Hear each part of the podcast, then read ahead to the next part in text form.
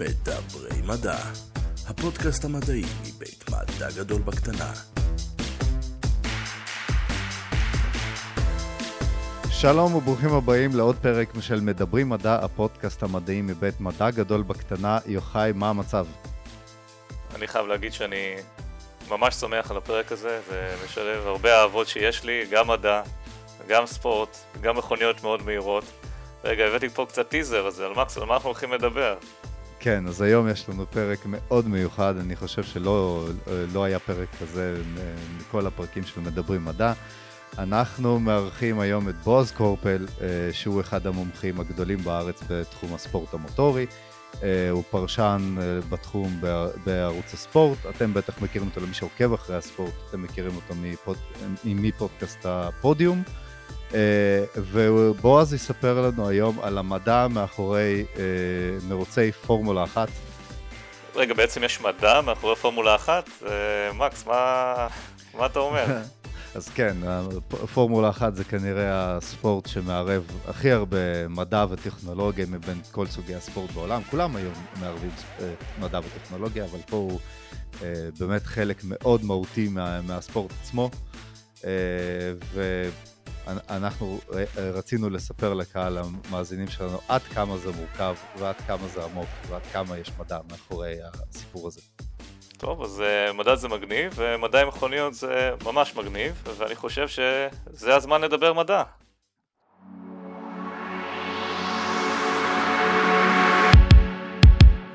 בועז קורפל שלום, ברוך הבא לפודקאסט שלנו.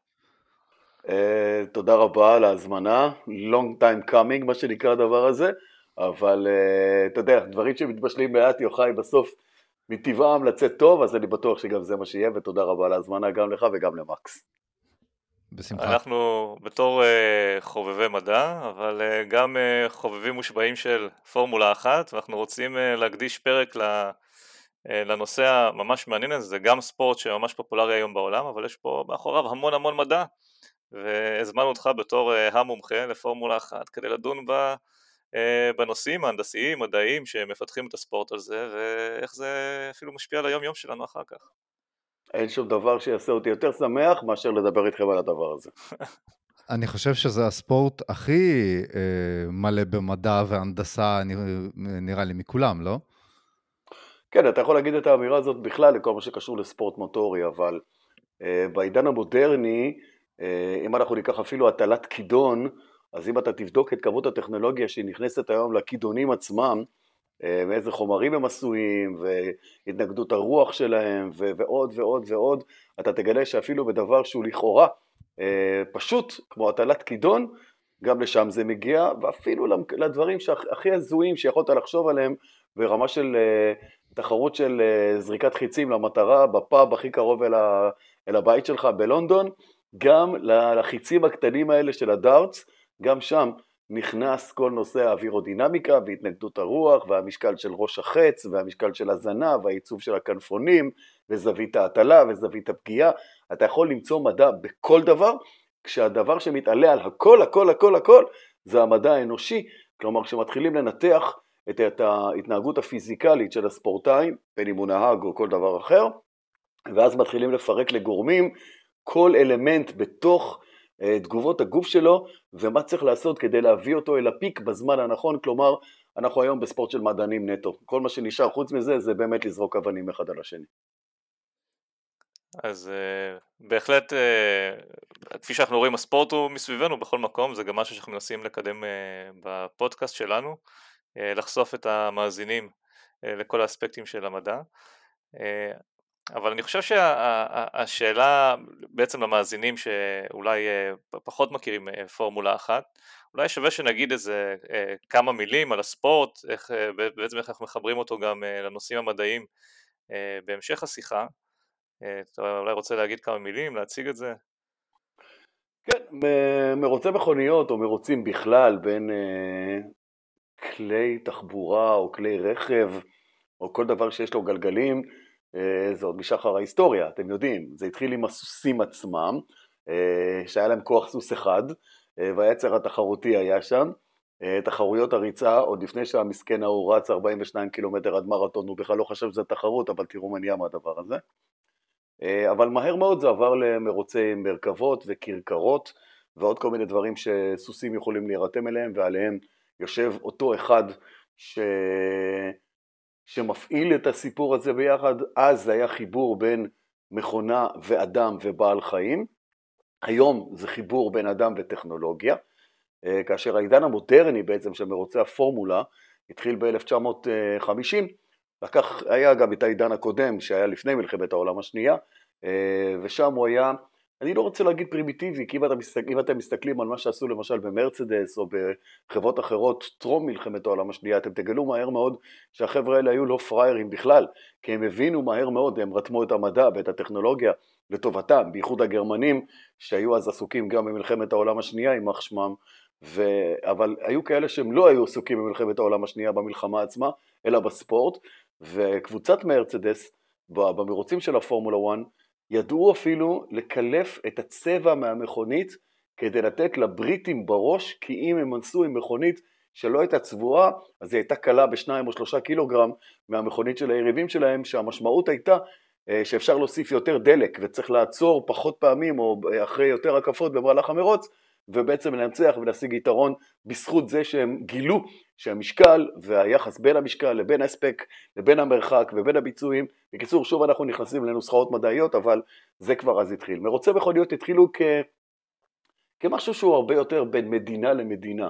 זה תמיד היו הצרפתים במכוניות הכחולות, נגד הבריטים במכוניות הירוקות, אה, נגד הגרמנים במכוניות הכסופות, מול האיטלקים במכוניות האדומות, פרארי, מזרטי, אתם יודעים, אלפה רומאו, כולם היו אז אדומות, אה, אבל אחרי מלחמת העולם השנייה, ב-1950 בעצם נפתח ביזנס חדש לגמרי, קמו קבוצות פרטיות, חברות פרטיות, לא כולם היו אה, יצרניות רכב, היו כאלה אנשי עסקים שפשוט גילו שמהקרקס הזה של המכוניות הכי מהירות בעולם והנהגים הכי אמיצים, קו נטוי טיפשים בעולם, כי אומץ וטיפשות הם הרי עם גבול דק מאוד, המדע עדיין עובד כדי למצוא בדיוק מה העובי של הגבול הזה, אבל אנחנו יודעים שהוא דק מאוד, אה, התחרו בתחרויות כאלה שנחשבו על גבול ההתאבדות ואנשים תמיד אהבו ללכת ולראות את הקרקסים המוטוריים הענקיים האלה, הקהל גם עמד קרוב וההתפתחות המוטורית לא הייתה רק למסלולים הסגורים, היא הייתה גם למרוצי הראלי ומרוצי הדקר ומרוצי השטח ומרוצי האופנועים למרחקים ארוכים ומרחקים קצרים. אה, ורק לאחרונה ציינו איזה, אה, אה, את מרוץ של האימן, מרוץ האופנועים של האימן ברחובות האי הזה, אחד האיים הגדולים בתעלה הבריטית כשאנשים מטורפים עפים שם בכבישים הציבוריים בין, ה, בין הגדרות של הבתים במהירויות של 200, 250 ו-300 קילומטר לשעה ואנשים עומדים שם ומסתכלים עליהם בעיניים פעורות וואו, איזה, איזה טירוף, איזה דבר. אז הקסם הזה של אותם משוגעים ששמים את החיים שלהם על כף המאזניים ומשתמשים בטכנולוגיה הכי קיצונית שיש כדי להיות הכי מהירים על המסלול, זה בעצם אה, כל הקסם, ועם השנים זה מתקדם כבר אל העידן שלנו וזה בעצם הופך להיות ביזנס אחד גדול, וכן, חברות הרכב, יצרניות הרכב, כאלה שנשארו, כאלה שהלכו, כאלה שבאו, כאלה שעוד יבואו, אה, כאלה שהיו, עזבו וכן חזרו ועוד כאלה, גילו בעצם שהביטוי הזה של win on Sunday and sell on Monday יכול לעבוד לא רע בכלל. אה, תנצח על מסלול המרוצים, תיצור לעצמך את המורשת, את הלגאסי, את המסורת, ו- ותוכל למכור אחר כך את המכוניות שלך תחת תג או תיוג של מכונית מנצחת, ומי לא רוצה לנסוע במכונית מנצחת? כולם רוצים לנסוע במכונית מנצחת. אה, ובעידן המודרני יש חברות שממש משתמשות בזה, המובהקת מכולם היא כמובן פרארי, ובעידן שיגיע עוד מעט יהיו חברות שישתמשו בזה, כלומר עיין ערך רדבול, שלדעתי עוד אה, יהיה פעם יצרן מכוניות בפני עצמו עם הטכנולוגיה שיש לו, ואז אנחנו, לא, אולי לא אנחנו, אבל הילדים שלנו והנכדים שלנו ייסעו במכוניות מתוצרת רדבול. אה, אבל ראינו אותם, ראינו אותם עושים עבודה נהדרת במרוצים, ואנחנו יודעים גם אה, כמה כסף הם שמים שם כדי להתפתח טכנולוגית. אז בעידן הנוכחי, באמת, מדובר לא רק במרוץ בין נהגים, מדובר במרוץ חימוש טכנולוגי בין חברות הרכב, אבל יש איזה גוף אחד שמפקח על העניין הזה ובעצם מנסה לרתום את העשייה הטכנולוגית ואת העשייה המדעית לטובת כלל הציבור, כי להבדיל ממשחק כדורגל שראינו, נהנינו, צעקנו, השתוללנו, התאכזבנו, שמחנו, ניצחנו, הפסדנו, לקחנו את זה הביתה ואחרי יום זה עובר כי יש עוד, עוד משחק. במרוץ מכוניות הדבר הזה בסוף מגיע אלינו, נכנסנו למכונית ומשהו מתוך המכונית שהייתה על המסלול נמצא גם במכונית שלנו. ובייחוד כשהדברים אמורים נכון להיום בתחום מערכות הבטיחות ובתחום חיסכון בדלק ושמירה על איכות הסביבה. כי הגוף שמפקח רגולטורית על כל הנושא הזה של מרוצי המכוניות בעולם נקרא FIA, הפדרציה העולמית לספורט מוטורי, תחבורה ומינוע, זה השם שלו. פדרציון אינטרנציונל דל אוטומוביל בכלל, לא רק למוטוספורט. הפדרציה הזאת יושבת בצרפת ואליה עולים לרגל יצרניות הרכב השונות כדי לקבל את החוקים, את הרגולציה, את התקנות לשנים הבאות וכשהיא מחליטה על משהו, בייחוד למרוצי המכוניות, היצרנים מיד נכנסים לעבודה מאומצת, ואם אומרים המנוע שלך צריך להחזיק מעמד שלושה מרוצים, איזה מין דבר זה מנוע שחי על 19 אלף סלד יחזיק שלושה מרוצים, איך זה יכול להיות כשכל מרוץ הוא 300 קילומטר, איך הוא יחזיק אלף קילומטר עם כל האימונים וכל הנסיעות ביניים על, על נתונים כאלה. אז הם מפתחים ומשקיעים את הטכנולוגיה הכי טובה, ובסוף מה הם עושים עם הטכנולוגיה? בסדר, גם אם ניצחו, ניצחו מרצדס, אז לא כל אחד יכול לקנות מרצדס, אבל המנוע והטכנולוגיה שהם פיתחו מחלחל לשאר המכוניות ולשאר היצרנים ולמקומות נוספים, וככה מהעמידות והיכולת והחיסכון בדלק ושמירה על זיהום אוויר ועוד ועוד, זה מחלחל גם למכוניות שלנו, ואפשר לצאת ממשחק כדורגל ולנסוע במכונית שלא מזהמת את הסביבה, בגלל טכנולוגיה שהתחילה בפורמולה 1. אז בוא באמת, אה, נראה לי נעשה, נתחיל מהבסיס, נעשה איזה breakdown של מה באמת את המדע מאחורי המכונית הזאת, המדע והטכנולוגיה. ולכל אחד מאיתנו עומדת מכונית בחנייה, לא רבים מאיתנו מבינים מה הולך אצלה בפנים, אנחנו רוצים להבין כמה מדע יש במכונית של פורמולה 1 וכמה זה שונה ממה שעומד לנו בחנייה. אז נראה לי נתחיל מהדבר הכי obvious, המבנה האווירודינמי של המכונית. נכון, אה, אווירודינמיקה זה אם כל, ה... אם, אם כל התחומים הפיזיקליים שמכונית פורמולה 1 מחזיקה בעצמה, אה, מייצרת אה, לתחרות הזאת.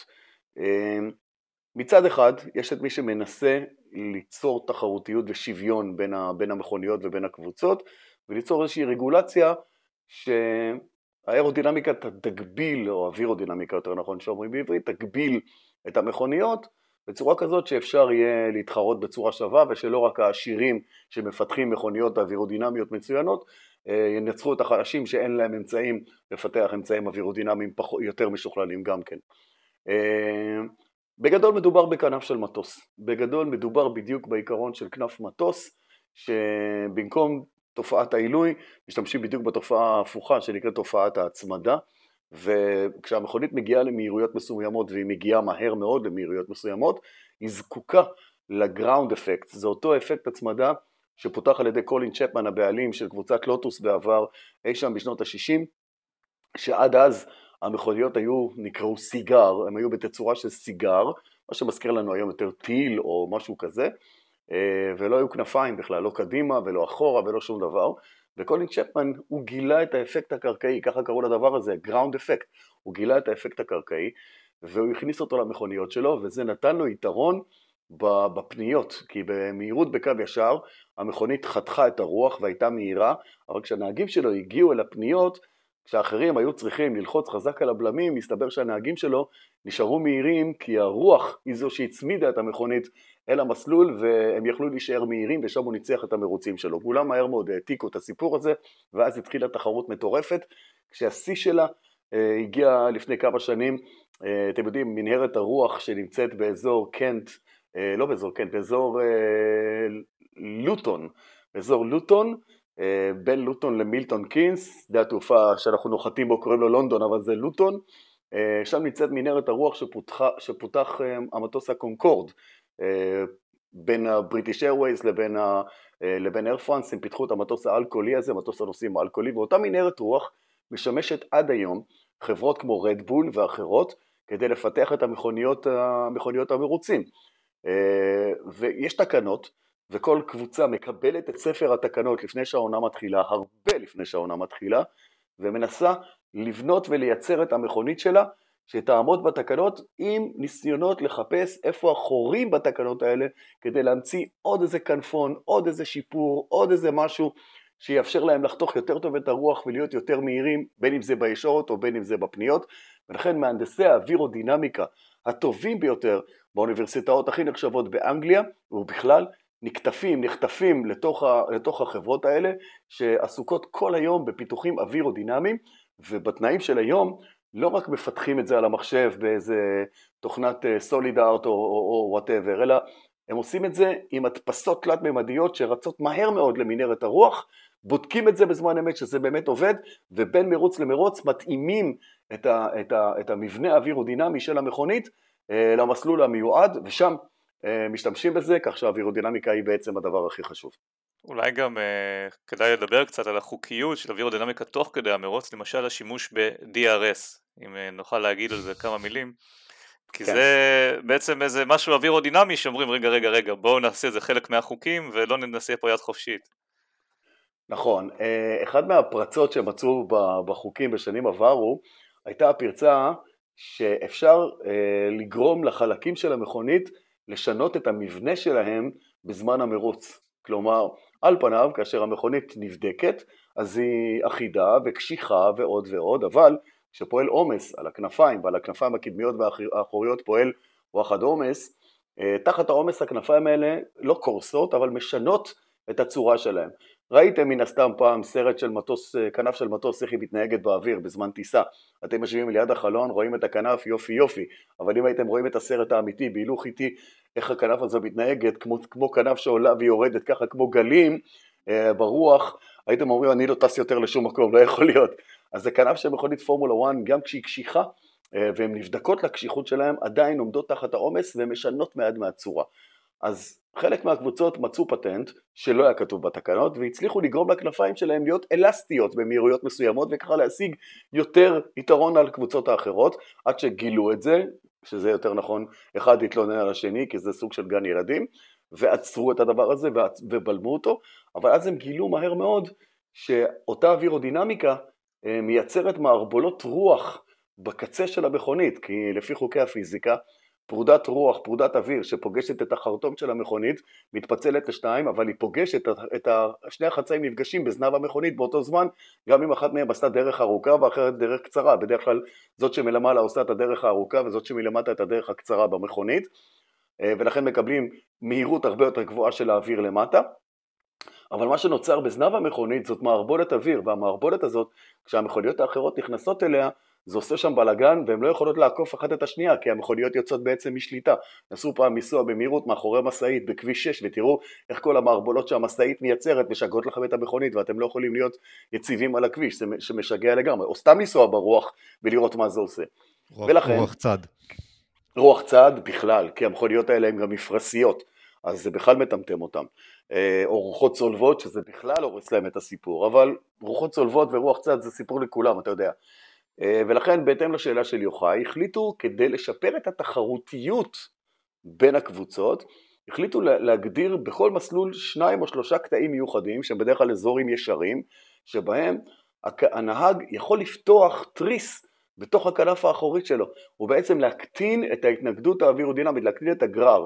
ו-DRS זה Drug Reducing System, זה מערכת שמקטינה את התנגדות האוויר וככה בעצם הוא יותר מהיר, משהו כמו 10-15 קמ"ש מהמכונית שהוא עוקף, בתנאי שהוא היה קרוב אליה במרחק של שנייה לפני הפנייה, לפני הקטע ש... שהוא יכול לפתוח את הכנף. אם אתה מספיק קרוב, יש לך גם את הבונוס לפתוח את הכנף ולעבור אותו. אם עברת אותו באמת, מהר הוא יכול לפתוח את הכנף ולעקוף אותך בחזרה. אה, זה, זה חוק ה-DRS, אה, יש כאלה שאוהבים, יש כאלה שלא, עד עכשיו לא מצאו פטנט אחר, אם, אם אני חושב שאם הצמיגים, אה, שזה לדעתי הדבר הבא הגדול ש, אה, שתעשיית הטכנולוגיה והמדע נכנסים אליו, אה, אם הם ישתנו במידה הנכונה, אפשר יהיה לוותר על ה-DRS, כי תראו מה קרה עכשיו, הכניסו חוק חדש שגורם למכוניות להיות מאוד נמוכות, ממש לגעת, מבנה חדש של מכוניות הפורמולה 1 ב-2022 שיגע את כולם, זו הייתה עונה חדשה שאף אחד לא ידע מה הוא יקבל שם, כל הניסויים, כל הסימולטורים, כל תוכנות המטלב למיניהם, כל אה, ההנחות והסימולציות, הכל התנפץ לכולם בפנים כשהמכוניות עלו על המסלול וממהירות מסוימת המכוניות קיבלו תופעה אווירודינמית שנקראת porpoising. porpoising זה ניתור כזה, כמו של דולפין, יש דולפין כזה שנקרא porpoise שקופץ מעל המים פעם אחרי פעם אחרי פעם אחרי פעם, זה בדיוק מה שקרה למכוניות במהירויות מסוימות ו- וזה דפק את הבריאות של הנהגים, זה שיבש אותה, פגע בהם פיזית, זה האט את המכוניות, זה עשה בעיות קשות, ואותה התאחדות שדיברנו עליה התערבה אווירודינמית בחוקים וקבעה שהמכוניות חייבות לעלות עכשיו מעל הקרקע כדי לאפשר זרימת אוויר חלקה מתחת למכונית ולא במקטעים כאלה ובפמפומים כאלה שיגרום למכונית את uh, תופעת הפרפסינג. אז התחלנו עם DRS ועברנו לפרפסינג, אבל זה עוד פעם, הכל משחק סביב האווירודינמיקה. אז שוב, אז אה, דיברנו בנגיעה על הצמיגים, ואני חושב שאולי שווה להשקיע בהם יותר זמן. אני יודע שלרכב שלי, אם אני ממש היה לי מזל, אני מחליף צמיגים כל ארבע שנים. אה, אבל אני רואה מרוצים. אם לא נסעת אה, לשום מקום, כן. כן, כן, אני גם באמת לא נוסע הרבה. אבל אם אני רואה במרוצים, באמת מחליפים פעמיים במרוץ, אפילו יותר סט של צמיגים. אנחנו פה נכון. בסקאלה אחרת, וכשאנחנו שומעים אה, אותך אה, אה, במרוץ, מדברים הרבה על צמיגים. בתור איזה משהו שהוא באמת אחד הדברים המהותיים למרוץ שלנו, אז אולי אפשר לפרט בעצם על הסוגי צמיגים, על הכימיות, איך זה עובד, למה אנחנו מייחסים לזה חשיבות. אני יכול להגיד שבתור נהג זה גרם לי לשים לב יותר לצמיגים, שאני רוצה לראות שהם בסדר, נכון? זה מלמד אותי. זה כבר, זה כבר תומך בתיאוריה שאמרתי שאתה יוצא למשחק הכדורגל, אז כן. המרוץ מכוניות משרת אותך במכונית שלך לאנשהו. נכון. תראו, אה, המשחק בעולם המכוניות נקרא גריפ, אחיזה. כדי שאתה תוכל להיות מהיר, אתה צריך אחיזה במסלול ולא סתם לעוף.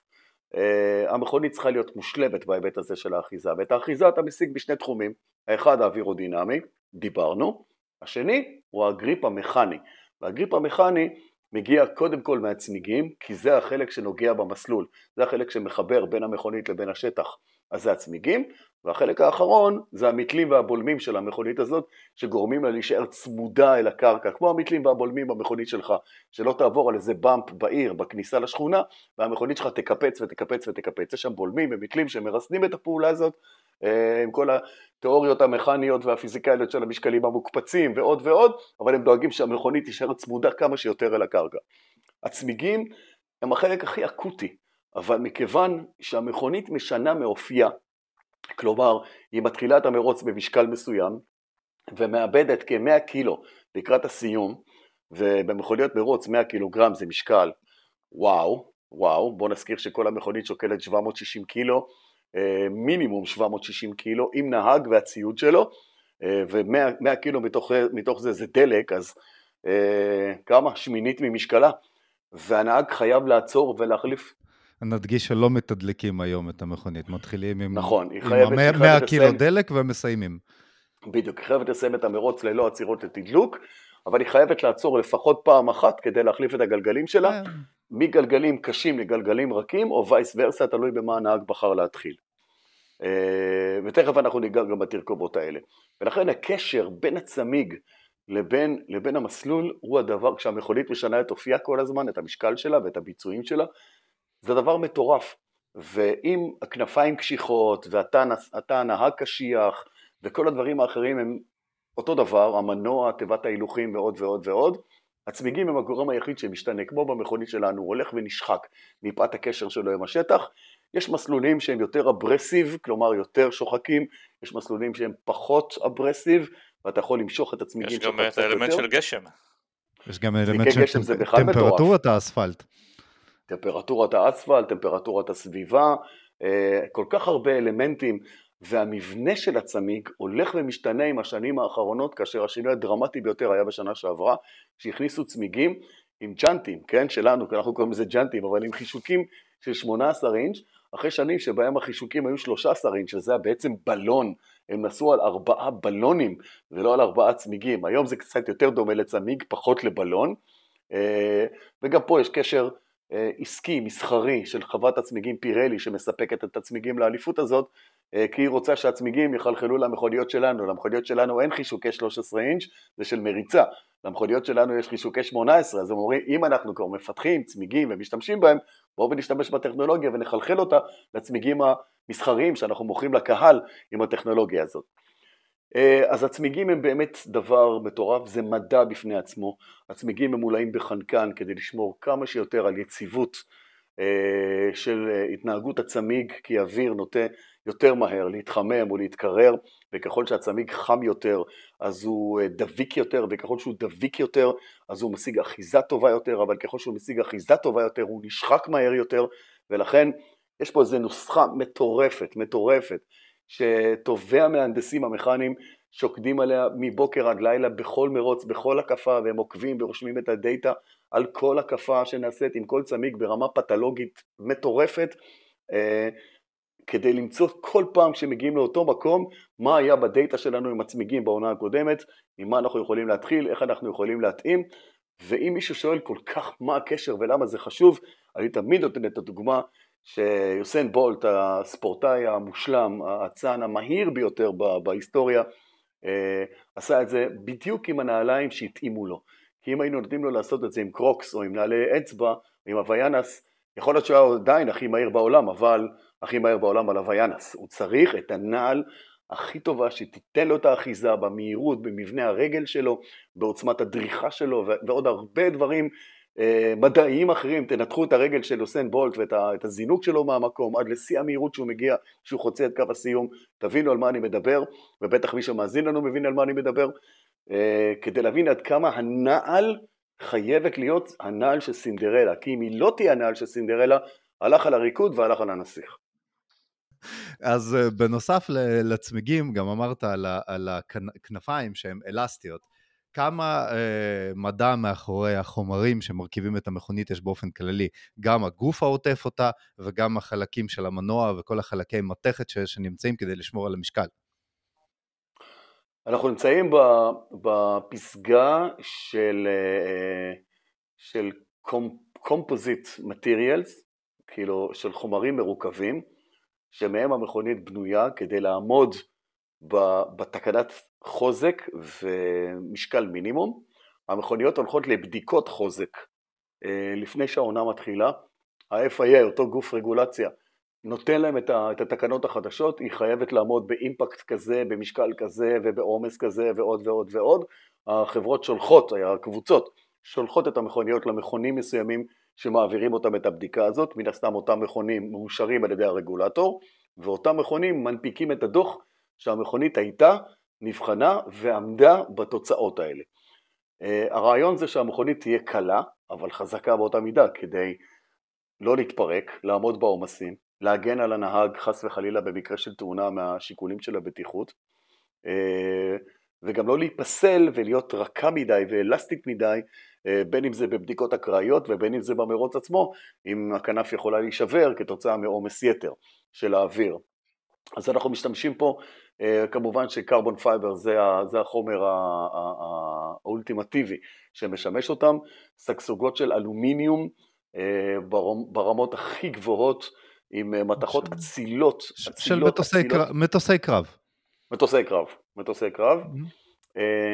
כנ"ל, אני יכול לרדת איתכם גם לנושא כל חומרי הסיכה, השמנים השונים שצריכים לעמוד בסטנדרטים. אה, אני אפילו אומר לכם כאילו ברמות של מיל סטנדרט, שזה סטנדרטים צבאיים, כאילו לכלי נשק ולמערכות צבאיות של מטוסים, טנקים או כל ציוד אחר שצריך לעמוד בדרישות הכי גבוהות של, לא יודע, של צוללות או וואטאבר.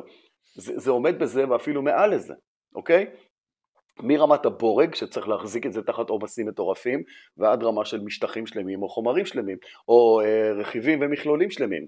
קחו למשל את תיבת ההילוכים, אה, תיבת ההילוכים זה אחד החומרים הכי מסובכים, אחד הרכיבים הכי מסובכים שיש שם, וכל ה matching בין, בין הגלגלי השיניים לבין הגירים מבוצע בהתאמה ב machining, בעיבוד השבבי הכי מדויק שקיים בעולם. אתה לא יכול להיכנס למחרטה בדרום תל אביב ולהגיד, תעשה לי בדיוק גלגל כזה שמתאים לזה, כי אני צריך. זה לא עובד ככה.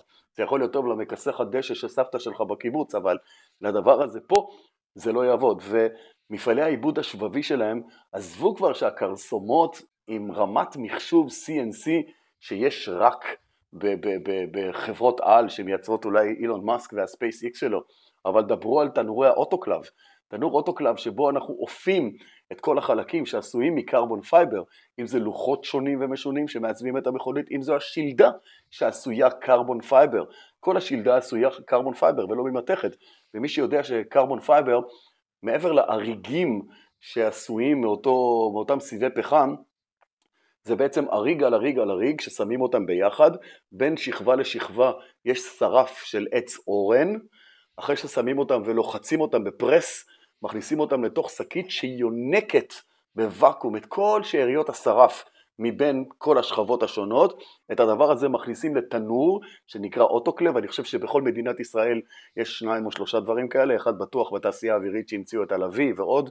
אבל אולי יש עוד שניים או שלושה, אולי יש כמה חברות שעושות חלקים קטנים מקרבון, כן, אבל תחשבו על כל השלדה של מכונית פורמולה 1 שצריכה להיכנס ולעבור אפייה כזאת בתנור אוטוקלב, זה נראה כמו מכונת MRI בגודל של חצי עזריאלי, זה משהו כזה, משהו מטורף לגמרי, הייתי בתוך אחד כזה, הייתי במפעלים של רדבול במילטון, וואו, זה, זה, וואו.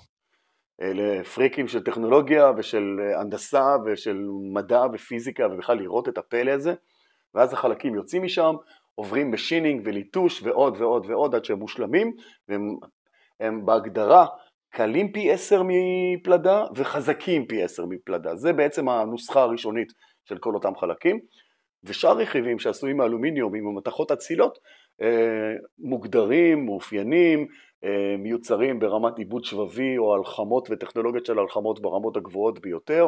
איפה שאתה צריך קצת פחות שכל אה, במערכות ברקסים, שאתה צריך קליפר שיסגור על הדיסק, אבל אתה צריך דיסק שיהיה מחומר קרמי, שלא יאכל ולא יישחק, כי אתה לא רוצה ללחוץ על הברקס וכל הדיסק שלך מתפוצץ בתוך הגלגל, אתה רוצה שהוא גם יתחמם כדי לחמם את הצמיג שלך, כי אתה רוצה שהצמיג יעבוד בטמפרטורה טובה, אז חלק מהטכנולוגיה של לחמם את הצמיגים בזמן המרוץ, זה דווקא ללחוץ על הברקסים, כי הברקסים מתחממים ואז הם מחממים את הצמיג.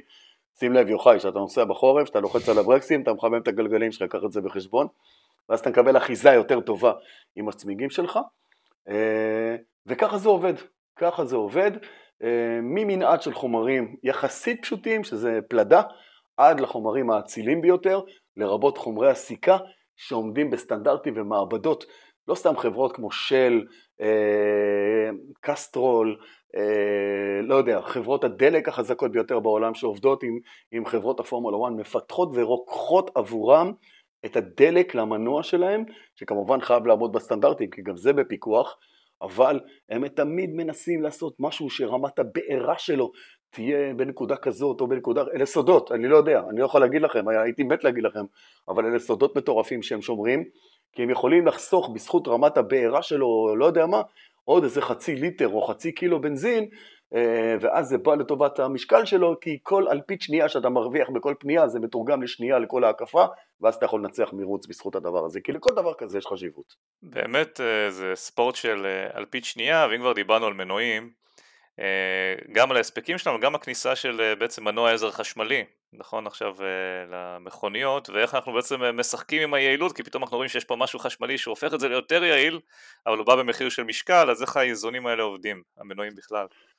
כן, העידן החדש של מכוניות הפורמולה 1 אה, הוא עידן היברידי, זה כבר לא שנה ראשונה, זה כבר כמה שנים טובות שהמכוניות אה, הן היברידיות, אה, וזה שוב הגיע מאותה, מאותו גוף רגולטורי שהחליט, זהו, נגמרו מנועי ה-V8, V10, V12 הגדולים, הצרכניים, מנועי הארבע פעימות או השתי פעימות או השד יודע מה, שהיית יושב בצד המסלול וסוגר את האוזניים ככה כי זה קורע לך את אור התוף וגומר אותך אז הטהרנים היללו וקיטרו ובכו, אה, אבל הגוף הרגל... אנחנו בוכים עד היום.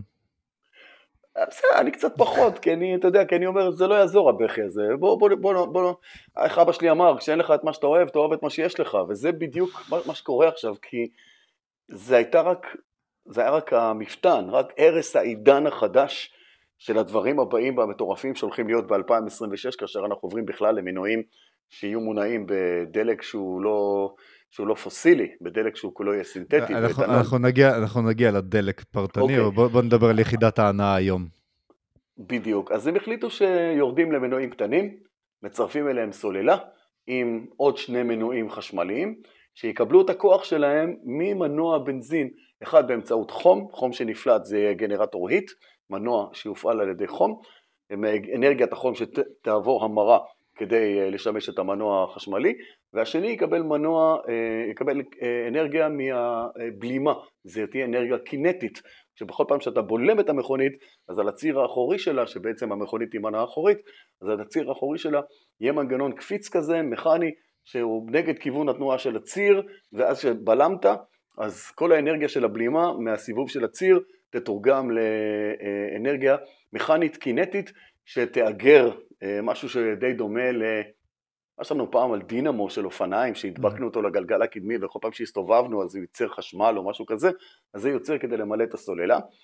והסוללה עצמה, סוללה חכמה ומהירה שיודעת להיטען מהר ולהתפרק מהר והנהגים משתמשים בסוללה הזאת לא רק כדי לתת כוח למנוע אלא כדי להשתמש בו אפילו כדי לתת איזשהו בוסט של בריחה כשאתה נמצא תחת התקפה אתה יכול להשתמש בעוד אנרגיה חשמלית. מה קיבלנו? קיבלנו מכונית פורמולה 1 עם מנוע 1600 בנזין, כאילו מאוד קטנצ'יק, אה, אבל עם אה, סוללה חשמלית שביחד מעלים את ההספק לקרוב לאלף כוחות סוס וכשאתם שמים את זה על 790 אה, קילו, 760-770 קילו משקל, יחס ההספק משקל פה נוטה בוודאות לטובת הכוח ופחות לטובת המשקל, כך שהעוצמה היא מטורפת. והדבר הזה עבר מהר מאוד גם לענפים אחרים, גם מכוניות הראלי מתחילות לעבור היום למכוניות היברידיות. עם מנועי חשמל ובנזין ביחד וסוללות, אבל כל עידן הסוללות באשר הוא, הוא, הוא תופעת ביניים, הוא, הוא, הוא, הוא זמני לגמרי, כי מתישהו גם ייגמר חומר הגלם בעולם של הסוללות עצמם שבהם מפיקים ומייצרים סוללות כמו מנגן וברום ו... והשד יודע מה עוד עושים כדי לייצר את, ה, את הלוחות האלה, גם זה ייגמר ולכן מבינים שהעתיד נמצא במימן, יש כבר מרוצי מכוניות מימן ו...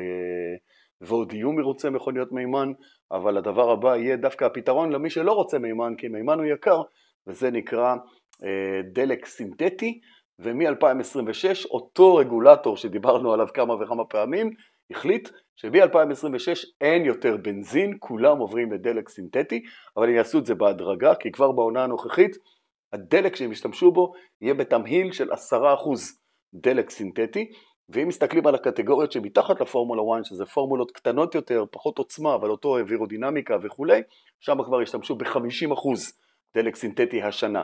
כלומר, מתאמנים על הקטנים כדי ללמוד, חברות הדלק מתאמנות, חברות המנועים מתאמנות, לראות איך זה עובד, עד 26 יעבירו את כל העולם של הפורמולה 1 לדלק שאיננו מזהם. וזה מאוד מעניין לראות את זה בהקשר של אה, כל הדברים שאנחנו מציינים, בגלל שיש הרבה כסף והרבה תחרות מעורבת בזה, תמיד הם נעשים בחזית המדע. בין אם זה מחקר על הדלק או על הסוללה או אווירודינמיות או צמיגים, או, הכל נעשה בחזית המדע, אז כלומר הם תמיד לפני כולם, הם לא, הם לאו דווקא מיישמים ידע אה, חדש, הם לפעמים ממציאים את הידע. הם צריכים להמציא את הידע הזה, בדיוק, כן. בדיוק. אמנם זה מכורח חוקי התחרות ש, ש, שדוחק אותם ללכת ולחפש את המקומות האלה, אבל תראו, אין מדע בלי חינוך, אין מדע בלי מוסדות, ו... אה, חייב להביא לכם משהו שתראו אותו. הופה. כן, מכונית אה, צעצוע... אה, מכונית פורמולה. מעץ. כן. מעץ, בדיוק. זה יהיה לנכדים שלי. אבל בבתי ספר באירופה, בעיקר, ובגני ילדים, הדבר הזה הוא חלק מהיום יום שלהם. גם בהיבט התרבותי של ללכת לספורט כזה ולא רק לכדורגל, אה, כי גם זה חלק מהספורט, מהתרבות, מההוואי אה, והחוויה, אבל אה, אתם יודעים, Royal College of Art בלונדון וקיימברידג' ועוד הרבה הרבה הרבה מוסדות בהשכלה הגבוהה ביותר באנגליה, מגמות של הנדסה, של הנדסת רכב ומרוצים. הם קוטפים את האנשים שלהם משם. לנו יש כבוד, כי יש מעצבי רכב ישראלים שהגיעו למקומות האלה, ואומנם הם התחילו בשנקר, אבל הם הלכו דרך College of Art בלונדון, הגיעו עד לייצר, לעצב מכוניות ספורט ומכוניות פורמולה ועוד כל מיני דברים כאלה, ואפילו להמציא קבוצות, קבוצות וקטגוריה של מרוצי מכוניות, אה, חברים שלמדו בבאר שבע, והם עשו את זה ועשו עבודה נהדרת, אבל זה מתחיל בזה, זה מתחיל בגן ילדים. כן. כאן, כאן זה מתחיל, בצעצוע הקטן הזה, אה, ויש כאלה בכל מיני צבעים, וזה נורא נחמד, זה גם לבנים וגם לבנות, ומלמדים אותם, והילדים גודלים בתוך הסביבה הזאת, ורוצים להיות, ו... וזה הדבר המקסים. אז אם פה ישכילו להתחיל ללמד אה, פיזיקה, ומדע בגילאים מאוד מאוד צעירים, ולא רק בתור תוכנית גלילאו בחינוכית, אנחנו נקבל הרבה הרבה יותר מדענים בהרבה תחומים, אבל מבחינתי הכי טוב גם בתחום הרכב. זה גם חלק מהדברים שאנחנו מנסים לקדם פה, גם בעמותת מדע גדול בקטנה וגם בפודקאסט. אה, אה, דרך אגב, של... סליחה, סליחה שאני אומר את זה יוחאי, אבל זה, זה מגיע, יש שם תחרויות. אני הייתי ב... יש מדי שנה בינואר בבירמיגהם את התערוכה המוטורית הגדולה ביותר של אנגליה שנקראת אוטוספורט. ממליץ לכם לנסוע כל שנה בוויקנד הראשון של אה, ינואר. אה, זה כמו גני התערוכה של אנגליה, אבל בואו, תכפילו את מה שאתם מכירים. ממכוניות על שלט ועד מכוניות פורמולה 1, הכל. כמובן שזה בא עם תרבות של מרצ'נדייז אה, ומגזינים ועוד ועוד, אבל כל מה שאין לנו פה. הכל, הכל, הכל. והדבר הכי מחמם לב, שם נעשית תחרות הגמר, כמו שיש פה את ה-FLL ואת, ה, ואת כל התחרויות של הרובוטיקה אה, לילדים, אותו דבר שם, יש את התחרות השנתית, שם זה הגמר של בתי ספר של כיתות א', ב', ג' באנגליה, שמפתחים את מכוניות המרוץ הקטנות שלהם, זה מנייר, זה מקרטון, זה כל מיני דברים כאלה, אבל מלמדים אותם כבר. אווירודינמיקה ואחיזה ועוד הרבה דברים שדיברנו עליהם כאן, והן מונעות מכוח של קפיץ ומכוח של גומייה שיש בה אנרגיה, מלמדים אותם כבר מגיל 6-7, זה מטורף, והילדים האלה קולטים הכל, והלוואי שתצליחו גם אתם להביא משהו כזה לפה. כן, אני תמיד הצטערתי שאין פה את התרבות הזאת, אבל כנראה שצריך להתחיל... יש, יש. אם. יש אותה אצלכם בראש, אז יש. אולי כדאי להתחיל מזה שהספורט הזה בכלל עדיין לא חוקי בארץ. אז אולי כדאי שתהיה פה תרבות מסביב לספורט, וילמדו ויתאמנו, ומישהו בכלל יסתכל על זה, אולי כדאי שקודם כל זה יהיה חוקי. לא, תראה, זה חוקי, אמנם אה, אני לא אוהב את הדרך שבה זה הפך להיות חוקי, דרך עתירה של נהגים אה, נגד המדינה שמונעת מהם להשתתף, להשתמש במכוניות הספורטיביות שלהם, אז כן. חוקקו פה חוק ספורט מוטורי כדי לעשות את זה, והמדינה היא הרגולטור, שזה, אה, מה לעשות, איך אמרתי קודם, שאין לך את מה שאתה אוהב, אתה אוהב את מה שיש לך, אבל דווקא מתוך השיממון הזה יצאו כישרונות, כמו שאמר יוחאי, נהגים בשיעור קומה עולמי, עולמי, שמייצגים אותנו אתמול או היום על הפודיום באבו דאבי, אריאל אה, לוי במרוצי פורשה, אריאל אלקין, ילדון מדהים, אחד המוכשרים ביותר שפגשתי, שהחלום שלו זה לסיים הנדסה, הנדסת מכונות בטכניון, הוא רק בן 15 אבל כבר אלוף עולם בקארטינג ועושה חיל, ולא נדלג על שום שם שהיה כאן ועוד יהיה כאן מנהגי השטח ואופנוענים ונהגי מסלול, כישרונות מדהימים. לו היה כאן את המוסד האמיתי שבו הם יכלו לשבת וללמוד ו- ולהשלים את הדברים, יש את המוסדות האלה, אבל אתה צריך הרבה מאוד כסף. לו המדינה הייתה מבינה עד כמה שזה חשוב כדי לקדם אותם ולשים אותנו בפרונט העולמי, גם בטכנולוגיה וגם בספורט ביחד, שמע, אתה לא יכול, בשביל להיות לואיס המילטון או מיכאל שומאחר, אתה חייב להבין את החיה שאתה יושב בתוכה. כי כן. בעצם כל מכונית כזאת היא, היא, אותו, היא אותו, אותה נעל של סינדרלה. אם אתה לא מסדר לעצמך את המיטה כמו שאתה אוהב לישון בה, אתה לא תישן. יציק לך כל הלילה, והם חייבים להכיר את המכונית על כל התכונות שלה, והכיסא נוצק סביבם כדי שארגונומית הם יוכלו להרגיש שם בצורה הכי טובה. זה מדע, מדע, מדע לכל אורך הדרך, nose to tail and back. זה פשוט מטורף. אנחנו תכף חוזרים לפרק, לפני זה חסות קצרה. בא לכם לשמוע יותר על מדע? עמותת מדע גדול בקטנה מציעה הרצאות מומחים במגוון תחומים מדעיים, יכולות להתקיים בפעילויות העשרה, בתי ספר ובמקומות העבודה. לפרטים או הזמנות, כנסו לאתר האינטרנט www.lbscience.org/contact-us וכמובן אם אתם גם רוצים לפרסם אצלנו אתם יכולים לשלוח פנייה לאותה כתובת. אז אה, שאלה, שאלה שאני חושב שיכולה להסביר ממש לצופים שלא כל כך בתוך העולם הזה של המרוצים. אה, מבחינה מדעית וטכנולוגית. קח אותנו, קח תסביר ל, ל, אה, למאזינים שלנו, איך, אה, מה דרוש, כמה מחקר דרוש כדי לשפר חצי שנייה להקפה של, של מכונית. זו שאלה, וואו, וואו. שאלה שתקיף הרבה מאוד נושאים. אתה יודע מכמה חלקים בנויה אותה חצי שנייה. זה, זה מה שמעניין, ש, ש, ש, ש, כדי שיהיה מושג עד כמה זה מורכב. תראה, אני אתן לך דוגמה. חלק מהמרוצים לפעמים מוכרעים על ידי עצירות ברחבת הטיפולים. אמרנו בשיחה על הצמיגים, שהנהג חייב לעצור פעם אחת כדי להחליף את הגלגלים שלו. אה, הוא חייב, אלא אם זה מרוץ גשם, שם הוא יכול לנסוע בלי, בלי החלפה. אבל פתאום העצירה הזאת, שנמשכת בין שתי שניות לבין שלוש-ארבע שניות, שזה מטורף לגמרי, ארבע שניות זה נורא איטי. שזה קונצרט, לראות את הדבר הזה קורה, זה, זה פשט אחד הדברים נכון, המדהימים. נכון, אבל, אבל בוא נגיד שגם, וגם פה יש הרבה מאוד מדע, כי מדובר פה בעבודת צוות, ובתזמונים, ובסט אדיר של פעולות שמבוצעות בעת ובעונה אחת. אה, ופעם קבוצת מרוצים רצתה לשפר את הצוות שלה, אז הם לקחו את אחד המדליסטים האולימפיים אה, בריצה, כדי שהוא יהיה המנטור שלהם וילמד אותם אה, איך עושים את זה הכי נכון. ו... ומודדים שם כל דבר על אלפיות שנייה, והשיא הוא שנייה נקודה שמונה תשע, משהו כזה, לארבעת הגלגלים. כלומר, זה לא לארבעת הגלגלים, זה כאילו גלגל אחד, כי הם עובדים כסט. כן. מכונית נכנסת, נעצרת, עולה, חצי שנייה גלגלים בחוץ, עוד חצי שנייה גלגלים בפנים, המכונית יורדת ונוסעת. והכל צריך לנגן שם נהדר, שנייה נקודה שמונה תשע, כמו נגיד שנייה תשע, וההחלפה הזאת הסתיימה. אה, ישבו וחשבו בפרארי, איך אנחנו יכולים לשפר את העצירה הזאת. אה, לת, לת, לאמן את המכונאים, בסדר, יש גבול, אבל צריך לבוא עוד משהו. אז הם הלכו לטפל באקדח ש, שמבצע את הפירוק של האום והרכבה שלה בחזרה, כי הגלגל מורכב על הציר באמצעות אום אחת בלבד, שהנעילה שלה היא נגד הכיוון של הסיבוב כדי שהגלגל יתהדק ולא יתפרק. אה, ואז אמרו אנחנו צריכים לעבוד על החיבור של הגביע בקצה של האקדח, זה שבמוסך מפרקים לכם את הגלגל, טה-טה-טה-טה-טה כזה שאתם נכנסים ושומעים את האקדח אוויר, בין הגביע שבקצה של האקדח לבין האום עצמה.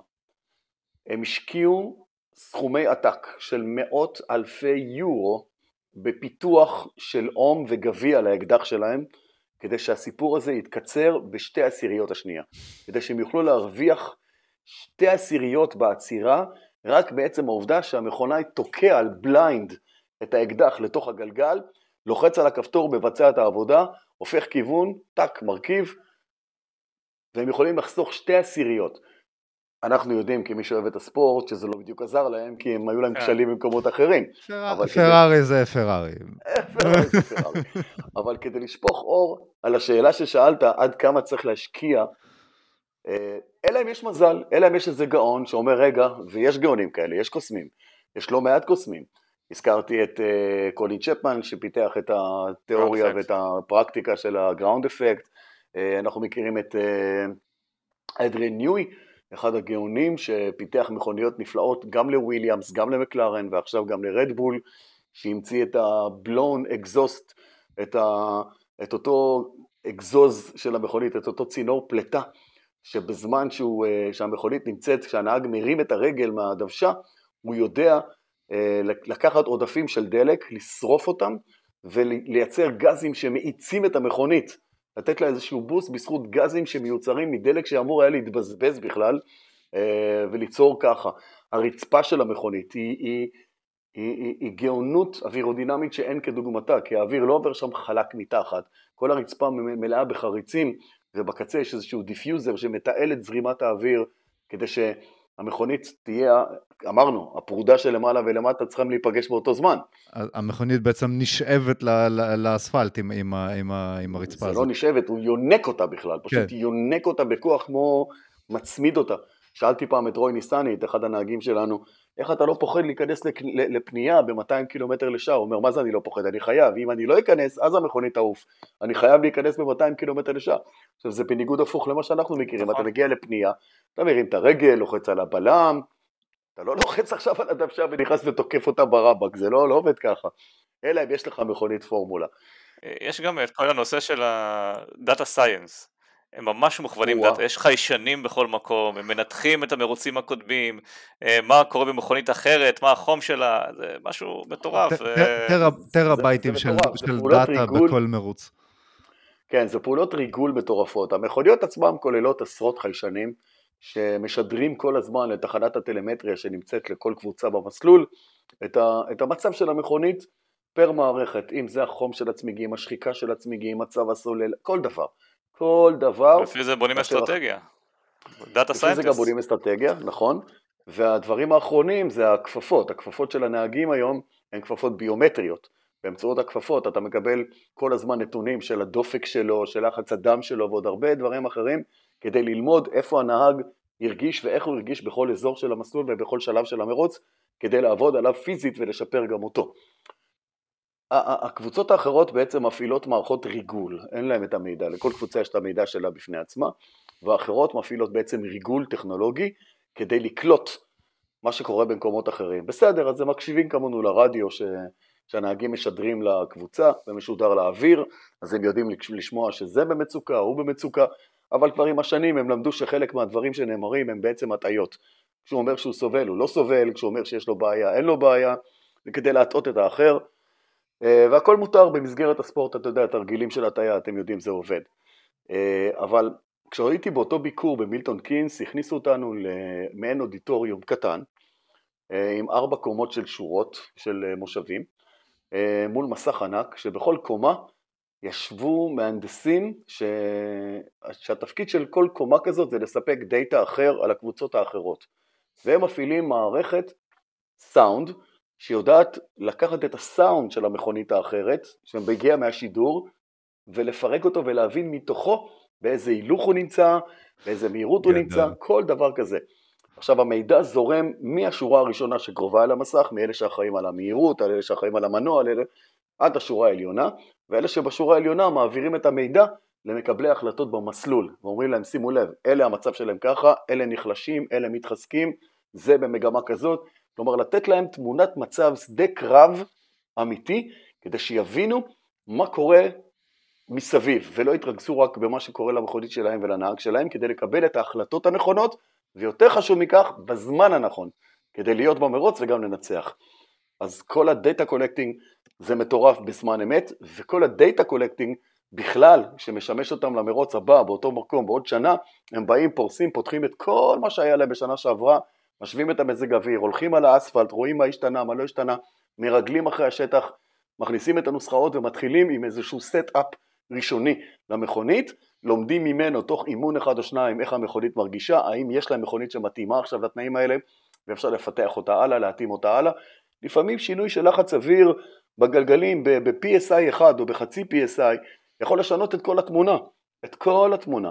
וזה נכון גם לנו, אתה יודע, אתה יכול לרוץ, אתה יכול להיות נפלא, אבל אם סתם הציפורן נוגעת בגרב וזה מציק לך, זה מחרפן אותך, הלך לך כל המרוץ, כל התחרות.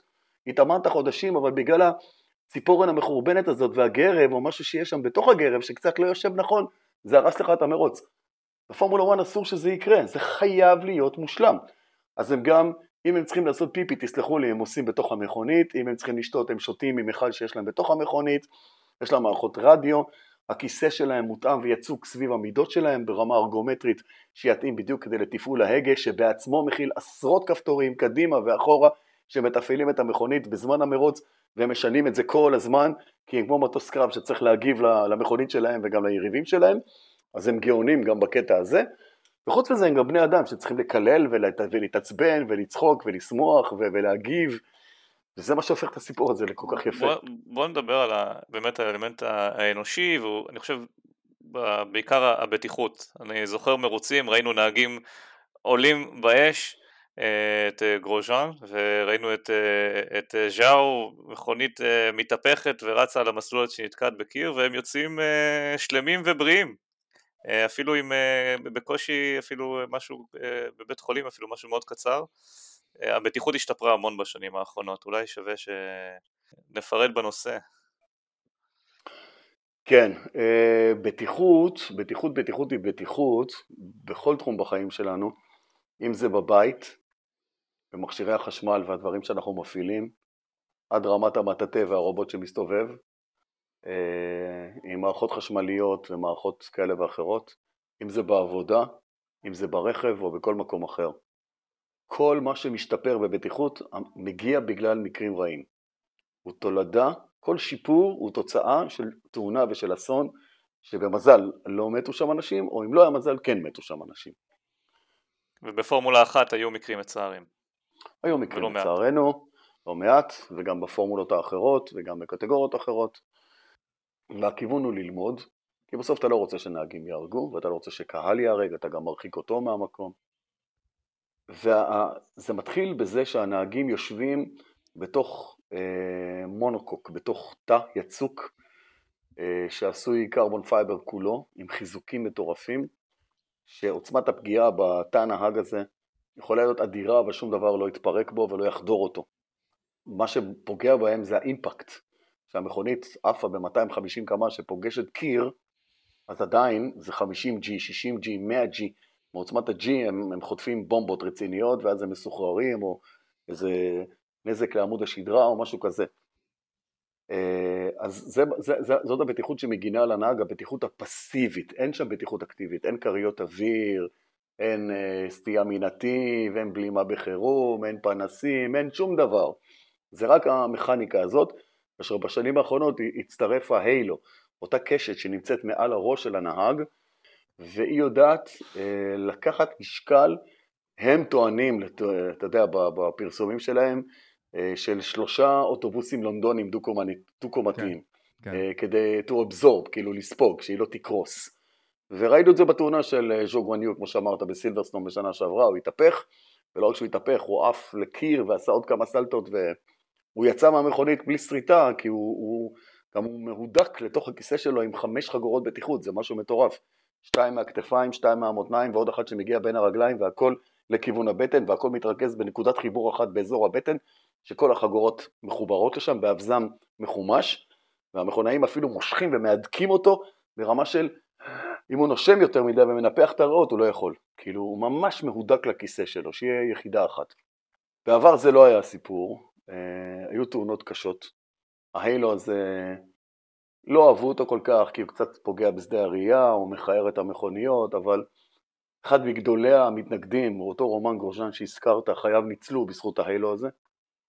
אה, אבל ראיתם שזה לא רק זה, גם הביגוד שהיה לו, סרבל. חסין האש, הנעליים, הגרביים, הוא יצא עם כוויות לא קלות, אבל נשארו לו סימנים כאלה היום. הוא בחיים קודם כל, ובכוויות שלו כבר יודעים לטפל, כי המדע והרפואה בעולם הכוויות והאור והאסתטיקה והקוסמטיקה, לא יודע איך קוראים לזה, אה, יודע לטפל בזה והוא בסדר, הוא בסדר גמור והוא נהג מרוצים היום והכל טוב. מטורף לגמרי הסיפור של קטיעת הרגליים אה, של הנהג האיטלקי שנהג אז באינדיקר והייתה תאונה בארצות הברית, בבריטניה ובזמן התאונה נקטעו הרגליים שלו והצליחו, אה, קוראים לו אלסנדרו זנרדי, התחפשו בגוגל אלסנדרו זנרדי, תראו את התאונה, מחריד, למרות שהוא בלי רגליים, חיברו לו, הכניסו אותו למכוניות בחזרה והוא נהג ואת כל המכניזם העבירו להגה ומי שלמד מזה זה חברות שמפתחות מכוניות וטכנולוגיה עבור אנשים עם מוגבלויות כי לשם הוא בא. כן. והוא זה שלא ניצח בפורמולה 1 אה, אחר כך הפך להיות אה, אה, רוכב אופני יד וזכה במדליית זהב באולימפיאדת לונדון ב-2012 במסלול דונינגטון של הפורמולה בלונדון, ליד לונדון, קרמה מטורפת אז, אז זה מלווה כל הזמן, אבל הבטיחות היא דבר מטורף וההילו זה החידוש האחרון, אה, כאשר גלגלים שמתפרקים ממכונית בזמן תאונה על המסלול יכולים לחזור בחזרה ולפגוע בנהג עצמו, זה מה שהרג את ארטון סנה ב-1 במאי 94 והיה חשוב שיהיה איזשהו מסך שיגן עליו. האמריקאים למכוניות שלהם פיתחו משהו אחר שנקרא אירוסקרין, זה מעין חלון כזה קדמי שיושב מול הנהג. אה, בחצי קשת שהוא חזק ויש בו סוג של פרספקס כזה שהוא גם שקוף והם יכולים לראות, אבל הוא גם ביריות אקדח וכל מיני דברים כאלה הוא יכול להחזיק מעמד והוא לא חדיר לחפצים שיפגעו בנהג. אה, אין להם את ההיילו ואנחנו לא פה באיזה קורס לתאונות מזעזעות, אבל התאונה הכי מזעזעת שאני ראיתי בחיי הייתה דווקא של מכונית פורמולה קטנה אה, במסלול ברנדס אה, האץ' באנגליה, שבקהל יושב אה, אחד מהאגדות המרוצים הגדולות ביותר, סטרלינג מוס. אה, סליחה, זה היה ג'ון סרטיז, זה היה ג'ון סרטיז, הוא היה ביציע, כאשר הבן שלו, הנרי סרטיז, על המסלול. ומכונית, וזה מכוניות פורמולה קטנות, בלי כנפיים, נראות כמו סיגר עם גלגלים דקים, אין להם גם הרבה אחיזה, די פשוטות. ואחד הגלגלים התנתק למכונית ש... שהייתה על המסלול מתאונה, והגלגל קיפץ וקיפץ וקיפץ, והנרי סרטיז היה רחוק מהסיפור הזה, אבל כשהוא התקרב אל האזור הזה, אותו גלגל שקיפץ נחת עליו והרג אותו, ואבא שלו יושב שם ביציע ורואה את הכל. מטורף, הזוי כן. לגמרי, פשוט הזוי לגמרי. אבל אם היה שם הילו זה היה מונע את זה, וזו הייתה אחת התאונות ששימשה כקטליזטור מאוד חזק להפעיל את ההילו הזה ולמנוע מחפצים גדולים אה, לפגוע בנהגים. תשאלו אותי אם זה, הייתה, אם זה היה מכשיר שמונע מאותו קפיץ שהתפרק במכונית של פיליפה מסה ופגע בבריקלו, סליחה, ופגע במסה בהונגריה וריסק לו את הקסדה, לא, אבל יש לו את הקסדה, וגם לקסדות וגם לחגורות, יש תקנים חזקים מאוד. אה, קסדה, לא, אם קסדה נפלה מגובה מטר היא פסולה, כל מיני תקנות כאלה של לשמור על האחידות שלהם. מתחת לראש יש להם מעין כובע גרב כזה שנקרא בלקלבה שהוא חסין אש, לא רק כדי שישמור להם על השיער ולא יהיו קרחים אחרי כמה שנים, אלא בגלל התאונה של ניקי לאודה, שאנחנו זוכרים אותה, שהוא עלה באש ב-1975 בנורבוגרינג, בסרט הגדול ראש שהיה בינו לבין אה, ג'יימס האנט, תראו את הסרט ראש, מאז הכניסו תקנת חובה, אה, אה, בלקלבה כזאת, כאילו כובע גרב.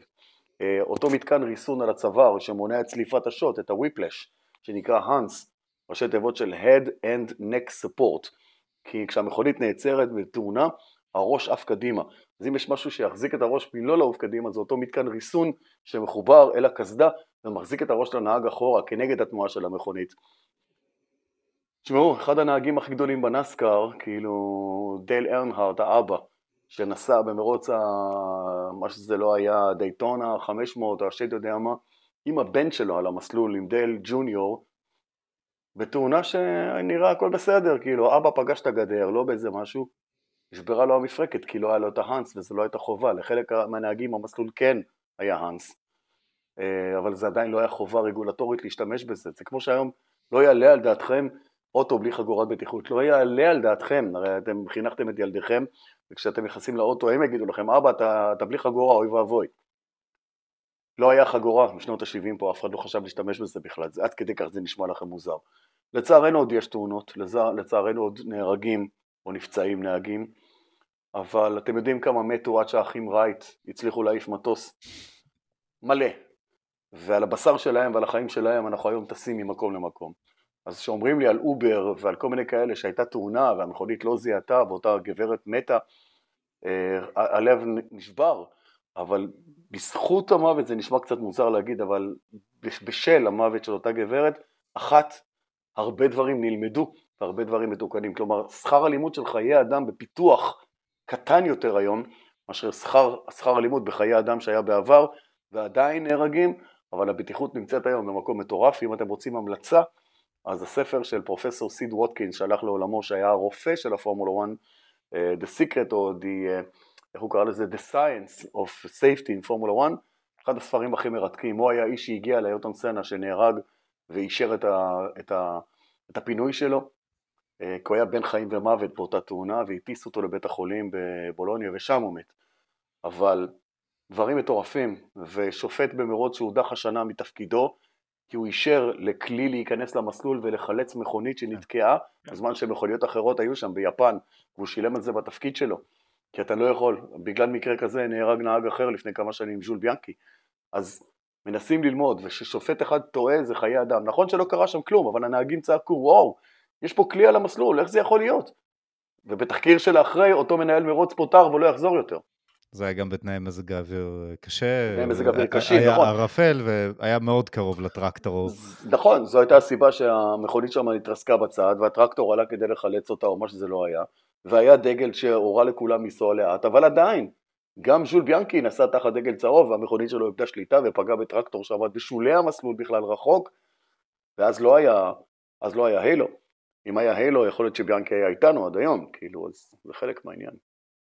כשמסתכלים על נושא הבטיחות אנחנו רואים שגם אה, פה יש אה, הרבה מדע, הרבה מחקר כדי להגן על הנהגים, דבר שמחלחל אחר כך לתעשייה ובכלל הספורט של אה, פורמולה אחת, אנחנו רואים שיש כימאים, data scientist, מהנדסים, מכונות, חומרים, הדבר הזה נוגע בעצם כמעט בכל, בכל תחום, תחום מדעי. בועז, אני רוצה ממש להודות לך על הראיון המרתק.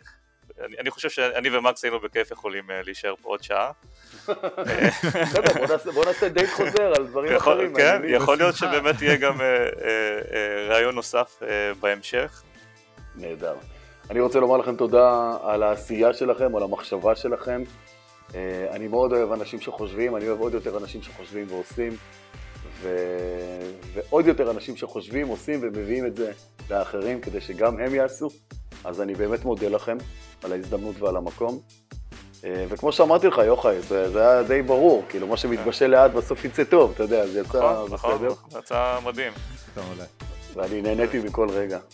תודה רבה בועז, תודה ואני בועז. רוצה אה, להגיד למאזינים שלנו, אם גם אתם אהבתם, אה, תשתפו עם החברים שלכם, תוסיפו subscribe, וגם תיכנסו לפטריון שלנו.